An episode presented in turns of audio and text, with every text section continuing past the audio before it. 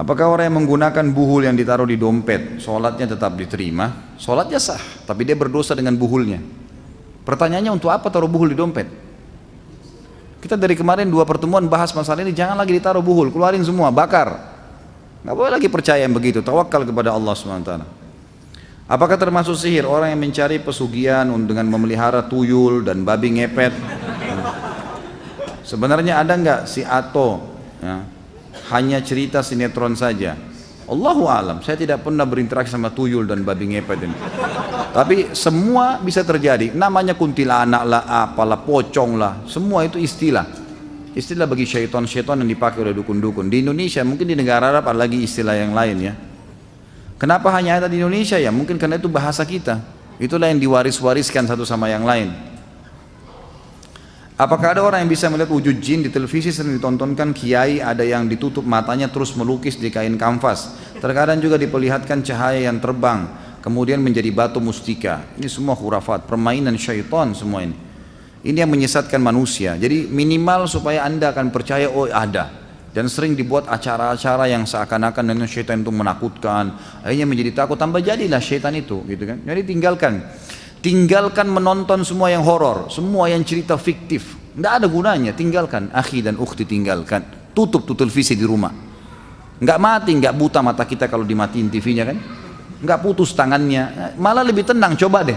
Yang sering nonton TV coba berhenti dua hari aja. Biar tangannya gatal tahan. Jangan dibuka udah. Buat apa Ustaz? Sibukin, baca Quran, dengar radio, ceramah, putar. Ceramah-ceramah di Youtube dengar. Pasti waswas syaitan kuat, lawan. Coba terapkan seminggu, dua minggu. Nanti lama-lama kita akan melihat itu semua memang betul sesuatu yang baik untuk kita lakukan. Jadi tinggalkan memang, tidak boleh lagi. Karena itu hanya merusak akidah saja ya. Ada seseorang menyarankan baca doa nurun nubuat agar tersembuh dari penyakit yang saya tanyakan apakah doa tersebut sesuai dengan tuntunan Rasulullah SAW. Saya tidak pernah tahu nih nurun nubuat ini seperti apa. Dan saya selama saya belajar ya, saya tidak tahu Allahu alam Sebatas ilmu saya tidak pernah saya temukan ada judul doa seperti ini yang Nabi SAW berikan. Jadi yang saya tahu tidak pernah ada ya Allahu alam yang saya tahu begitu. Tapi kalau memang anda lihat wirid yang ada di dalamnya adalah zikir-zikir rukyah yang buku kemarin saya bawain itu kalau sama berarti zikir rukyah berarti bisa saja di zikir rukyah sebab saya tidak tahu isinya. Kalau isinya selain zikir-zikir rukyah yang ada sunnah-sunnah Nabi SAW berarti itu nggak benar, itu dibuat-buat. Setiap manusia memiliki korin yang selalu mencari kita pertanyaan apakah korin itu termasuk jin muslim? Tidak bisa dikatakan jin muslim, korin. Dan kita tahunya korin itu syaitan. Syaitan berarti bisa muslim, bisa kafir. Tapi yang jelas dia fasik. Ya. Dia, dia anak buahnya iblis lah istilahnya. Yang pasti akan masuk dalam api neraka. Bisakah korin itu menyerupai kita dan menampakkan diri di hadapan orang lain seolah-olah yang mereka temui adalah kita? Nggak bisa. Dia punya batasan, tidak akan pernah bisa dilakukan itu. Mustahil. Gitu kan. Apakah ketika kita bermimpi seseorang yang telah meninggal, yang ada dalam mimpi kita itu benar-benar orang yang sudah meninggal, atau itu adalah syaitan yang menyerupai mereka? Tergantung pesannya apa. Bisa saja seseorang itu melihat, karena pernah ada sahabat melihat sahabat yang lain dalam mimpinya. Gitu kan. Itu pernah terjadi. Ada pernah dua sahabat yang saling janji satu sama yang lain, siapa yang meninggal duluan, maka dia semestinya minta kepada Allah agar bisa datang gitu kan? Artinya dia memberitahukan apa yang sedang terjadi. Maka meninggallah salah satunya. Pada saat meninggal salah satunya maka yang meninggal ini dengan izin Allah datang dalam mimpi sahabat yang satu. Maka sahabat ini berkata apa yang Allah berikan kepada aku? Dia bilang Alhamdulillah Allah sudah ampuni saya. Cuman kemudian di, di, di lehernya sahabat yang meninggal itu ada seperti titik hitam yang masih hidup ini mengatakan apa di lehermu itu? Dia bilang ini sisa utang saya yang belum saya bayar. Ada uang 50 dirham yang saya harus bayar kepada Yahudi. Uang itu sudah saya letakkan. Uh, maaf dia bilang begini dulu. Dia bilang ketahuilah setiap apa pun yang terjadi di dunia disampaikan informasinya kepada kami.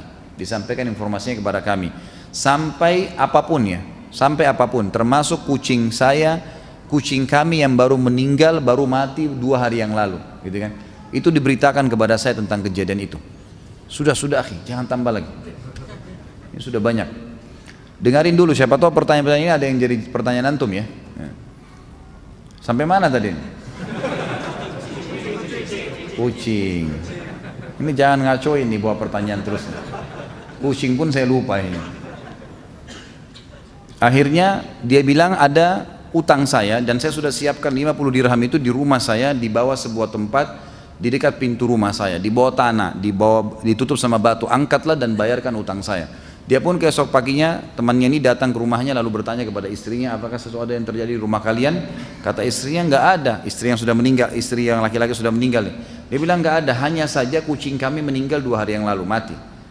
Maka si laki-laki tidak ceritain mimpinya, dia cuma bilang oh iya, baik, suamimu pernah punya utang nggak sama orang Yahudi? Kalau tidak salah sekitar 50 dirham dan uang itu dia pernah titip pesan dia pesan sama saya kalau uang itu ada di bawah di dekat pintu di bawah tanah ditutup batu coba lihat Waktu dibuka ternyata betul ada kantong tersebut dan jumlahnya betul 50 dirham lalu dibayarlah utang tersebut. Jadi bisa saja ada orang yang datang dalam mimpi gitu kan? Mungkin Allah alam itu dengan hikmah Allah Subhanahu wa taala. Tapi di sini ulama mengatakan tergantung pesannya. Kalau pesannya pesan-pesan yang baik, positif gitu kan? E, maka itu baik-baik saja seperti di kasus sahabat ini maka itu boleh saja dari Allah subhanahu wa ta'ala mengizinkan tapi kalau pesannya disuruh buat kesyirikan buat kemaksiatan nah, ini semua tidak benar pasti dari syaitan Seseorang yang sedang marah atau berperilaku aneh, bagaimana cara membedakan apakah kemarahannya itu karena pengaruh syaitan atau memang wataknya? Sebenarnya semua marah, semua marah selain daripada marah dari hukum Allah dari syaitan. Semuanya. Hadis Bukhari menjelaskan masalah itu. Bahwa saya pernah ada sahabat dua yang bertengkar sampai urat-urat leher mereka kelihatan gitu kan? Maka salah satu pernah berkata Nabi SAW mengatakan tambah lagi. Udah stop stop. Ini saya harus dia cambuk rupanya di sini. Jadi kalau ada yang datang saya cambuk tangannya. Habis saya sudah bilang stop dari tadi gitu. Hmm. jangan tersinggung akhi. Bercanda. Walaupun saya serius ya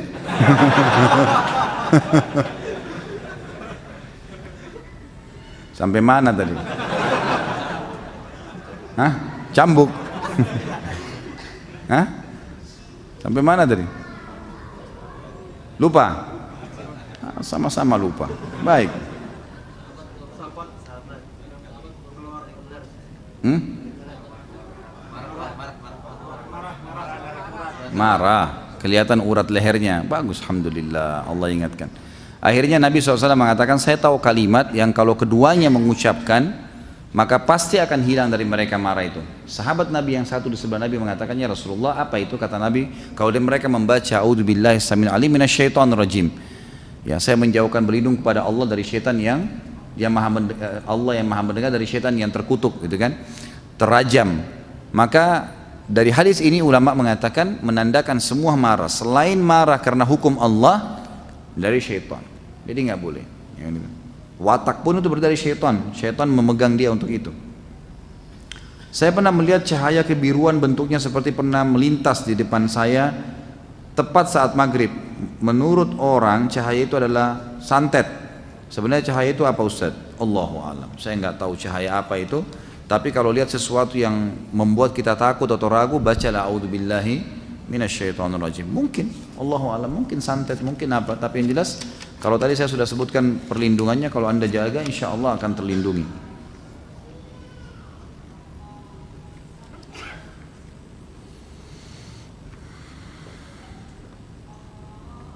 Baik, ini kena satu Muharram ya. Ustaz, peringatan satu Muharram dilarang sampai sejauh mana? Jika satu Muharram dijadikan momentum syiar Islam, apakah dilarang? Misal akan ada acara gebiar Muharram, lalu diadakan lomba-lomba seperti tahfidzul Quran, adzan, cerdas cermat, Quran dan seterusnya. Apakah tidak diperbolehkan? Syukran. Allah alam, saya bukan mengatakan pendapat saya pribadi ya, bukan masalah pendapat saya pribadi, tapi memang kita harus kembali kepada pendapat umumnya ulama. Ulama-ulama yang saya pernah belajar dari tangan mereka, mereka mengatakan tidak pernah ada dicontohkan oleh Nabi SAW padahal Nabi adalah Nabi ya, utusan Allah SWT begitu pula dengan para sahabat merayakan tahun baru Islam tidak pernah ada itu belum pernah mereka merayakan itu kalau kita mengemasnya mengatakan ya kena, kena alasan kaum muslimin adakan tahun baru Islam kenapa? Karena orang Nasrani punya tahun baru Masehi kan? Makanya kita juga tarik-tarik mencontohi kata Nabi SAW man tasyabah biqaumin fahuwa minhum. Siapa yang menyerupai satu kaum maka dia akan sama dengan mereka. Jadi kita karena merasa begitu, ada acara hari lahirnya Nabi Isa, kita juga buat acara lahirnya Nabi Muhammad SAW, ikut-ikuti mereka. Untuk apa? Untuk apa menambah-nambah nih? Kenapa kita harus merayakan satu Muharram? Apa masalahnya? Apa urusannya gitu? Nggak ada hubungannya dengan syariat kita, gitu. maaf, saya, jangan tersinggung kalau saya membahasakan begini ya. Karena kita kan di Indonesia setiap orang katanya punya hak untuk menyampaikan. Saya juga punya hak menyampaikan apa yang saya pelajari kan gitu. Sebagaimana orang ada orang yang sesat menyampaikan segala macam pendapat yang salah. Kita cuma meminta dalil saja. Kembali kepada kemurnian agama. Permasalahannya adalah belum pernah diriwayatkan Nabi SAW merayakan kiai dan dulu kita tidak pernah merayakan satu Muharram dengan alasan apa pun. Lomba kuda kah lomba mana kah nggak pernah ada kan? Nggak pernah ada sama sekali. Maka tidak perlu tidak perlu diadakan. Karena kalau anda buka itu nanti tahun depan arahkan lagi. Nanti dari dari cerdas cermat pindah ke ini pindah ke itu. Nanti macam-macam terbumbu-bumbu hilang Ya kan? Jadi macam-macam, jadi ke mana-mana. Nabi SAW tidak pernah rayakan Isra dan Mi'raj. Memang Nabi nggak pernah rayain itu. Coba datangin riwayat deh. Ada nggak pernah Nabi rayain Isra Mi'raj? Memang nggak pernah. Tapi kan itu momentumnya. Kita disuruh buat majelis ilmu, jelasin kepada kaum muslimin. Bukan ditentukan tanggalnya lalu dirayakan. Karena gitu. Jadi memang ini kita hanya mengajak kepada kemurnian syariat. Tapi kalau anda menganggap ya sudahlah saya tak mau lakukan, ya, itu hak anda silahkan. Anda mau lakukan silakan saja. Jangan salahin saya tapi karena saya juga punya hak menyampaikan apa yang saya tahu gitu kan. Dan saya betul-betul bukan mengajari yang salah, cuma mengajak kepada kemurnian agama. Karena itu kalau dibiarkan saudaraku, maka akan banyak embel-embelnya nih, banyak bunganya. Agama kita jelas, terang seperti matahari di siang hari, nggak butuh ditambahin, nggak butuh.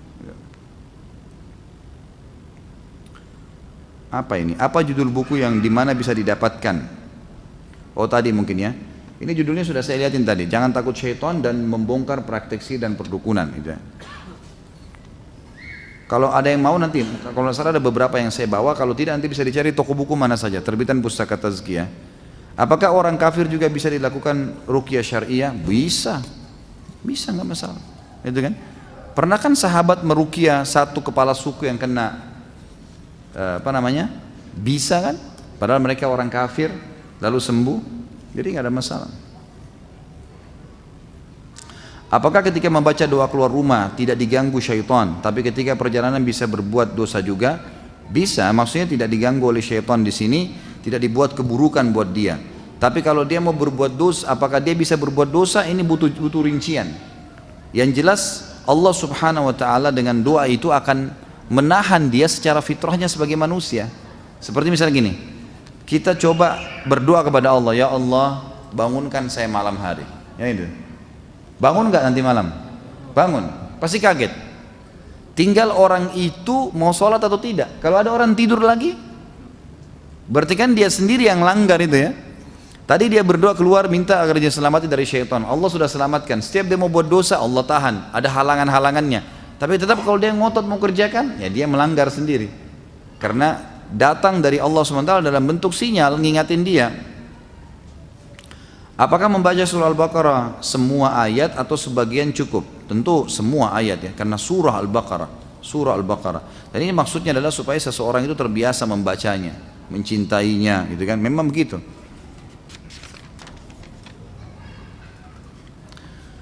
Saya pernah diajak oleh orang tua mendatangi dukun. Lalu saya di lalu uh, saya di punggungnya seolah ditulis tulisan Arab dan saya disuruh mandi. Apakah saya sudah terkena sihir? Lalu bagaimana rukyah yang harus saya lakukan untuk sembuh? Iya, sudah kena sihir.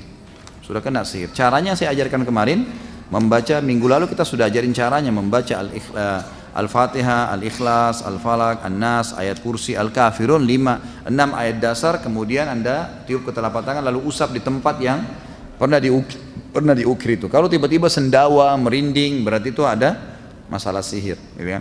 Masalah sihir. Dan bisa lebih jauh konsultasi sama teman-teman ustadz yang saya sudah kasih nomornya kemarin. Kalau belum catat nanti bisa datang kepada saya selesai ini ya.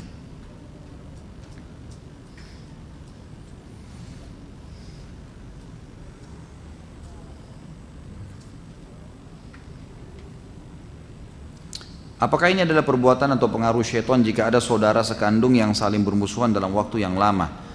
Sesama saudara saling mempertahankan egonya masing-masing untuk saling bermusuhan. Bagaimana solusinya untuk menyadarkan satu sama yang lain karena permusuhan tersebut adalah dosa besar? Tentu dari syaitan. Syaitan itu seperti musuh tadi saya bilang. Jadi kalau dia bisa mendapatkan celah yang buruk dari kita atau celah kekurangan, misal leher saya bisa ditusuk sama dia. Dia bukan cuma cuil, tapi dia berusaha untuk tusuk semaksimal mungkin. Kalau mati ya mati. Artinya kalau rusak, kalau enggak minimal kalau luka, luka itu harus terus borok, harus terus luka. Jadi kalau kita terbiasa misalnya melakukan e, nonton gosip jam 8 pagi, maka setan buat itu indah supaya kita terus rutin kerjakan. Jadi lukanya borok terus, gitu kan? Sambil dia kerjakan amal soleh yang mungkin setan tidak bisa menggunanya di situ. Nah, jadi memang harus hati-hati.